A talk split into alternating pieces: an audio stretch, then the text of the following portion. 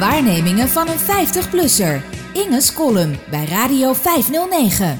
Podcast en film. Je kunt er de klok op gelijk zetten. Eens in de drie, vier jaar duikt er een juichend bericht op in de media in de categorie Blinden kunnen weer zien. Er is dan weer iets geavanceerds uitgevonden wat het ontbreken van zicht zou compenseren. Een camerabril of een laserbehandeling. Deze keer gaat het om een implantaat in de hersenen, waarmee je mensen die niet zien een waarneming kunt bieden die enigszins met zien te vergelijken zou zijn. Wetenschappers vinden dit interessant, media hebben een leuk verhaal en veel blinden en slechtzienden vragen zich af: zou dit iets voor mij zijn? Die wetenschappers begrijp ik wel.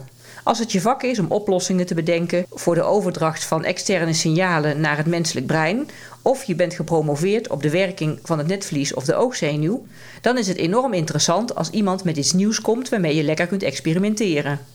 Wetenschappers zijn opgeleid om te zoeken naar oplossingen, nieuwe ideeën uit te werken en out of the box te denken, zoals dat tegenwoordig heet.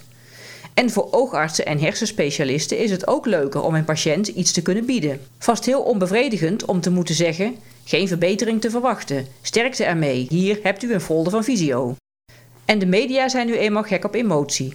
Wat is er dan mooier dan aandacht besteden aan een positieve ontwikkeling voor mensen met wie de wereld tenminste sinds het christelijke evangelie al diep medelijden heeft? Al in de tijd van de wonderen van Jezus van Nazareth zijn zij die niet zien het sprekende voorbeeld van beklagenswaardigheid. Het woord blind heeft alom een connotatie van zielig, onhandig, afhankelijk en niet mee te leven. Blind is niet alleen iemand die niet ziet, maar vooral ook iemand die zich niet kan redden in het leven. Denk aan uitdrukkingen als liefde maakt blind, als een blind paard rondlopen, blind zijn voor de realiteit, ziende blind zijn enzovoort. Gloort er een sprankje hoop om van die beklagenswaardige staat afscheid te nemen, dan is er euforie alom. Dat begrijp ik ook nog wel. Mensen zijn maar oppervlakkig geïnteresseerd in hun medemens en hebben geen idee waar ze over praten. Ze denken hooguit aan hun blind geworden overgrootvader, die de hele dag apathisch in een stoel hangt en zich alles aan laat leunen omdat hij het toch niet meer kan zien. Zonder zicht houdt de wereld op te bestaan, zo vindt het overgrote deel van de mensheid. Dus wij, licht ontberenden, staan te springen van vreugde als ons wordt gevraagd mee te doen aan een experiment waarbij een implantaat ons weer zou kunnen laten zien. Natuurlijk is zo'n uitvinding hooguit geschikt voor een heel klein groepje mensen dat echt helemaal geen lichtwaarneming heeft. We weten allemaal dat dat onder de groep visueel gehandicapten een select gezelschap is. Misschien net zo groot of klein als het aantal vaardige braillelezers. Maar dat is niet waar het hier wat mij betreft om gaat. Wat mij stoort is de vanzelfsprekendheid waarmee men steeds weer aanneemt dat wij op dit soort futuristische ongein zitten te wachten. De mens is lui. Geen journalist of zogenaamde hulpverlener verdiept zich echt in de materie. Lees bijvoorbeeld in zijn boek van Oliver Sacks, waaruit je zou kunnen weten dat het helemaal niet zo bevrijdend is om opeens weer te kunnen zien als je dat nooit hebt gedaan of lang niet gewend was.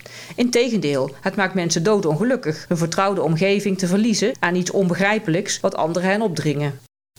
Maar van mijn lotgenoten begrijp ik het niet. Ik kan dan ook pisnijdig worden op blinden of slechtzienden die het beeld bevestigen dat er voor hen niets mooiers in het leven zou zijn dan een vaag zwart-wit plaatje van de kop van een nooit gezien kleinkind op te mogen vangen. Wat een armoede. Alsof er niet anders bestaat dan het najagen van beelden en het rijken naar wat anderen hebben en jij niet of niet meer.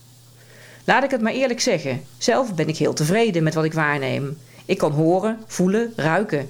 Ik kan mijn handen en voeten en vooral mijn intelligentie gebruiken om mijn omgeving te ontdekken, om alternatieven te zoeken, om creatief te zijn.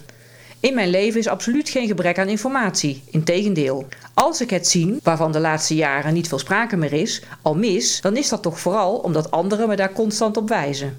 Ik hoef geen Tilburgse mevrouw die me via verschillende stofsoorten laat ervaren wat kleuren zijn. Waarom zou ik dat willen? Ik ken kleuren, al zie ik ze nauwelijks meer. En diegenen die geen kleuren kennen, zullen die ook niet missen, omdat ze niet weten wat kleuren zijn. Lekker zo laten. Er zijn zoveel andere dingen te doen. Verzin iets nieuws. Laat je geen inferioriteit aanpraten. Een podcast is gewoon een andere artistieke vorm dan een film. Niet minder waardig, maar anders.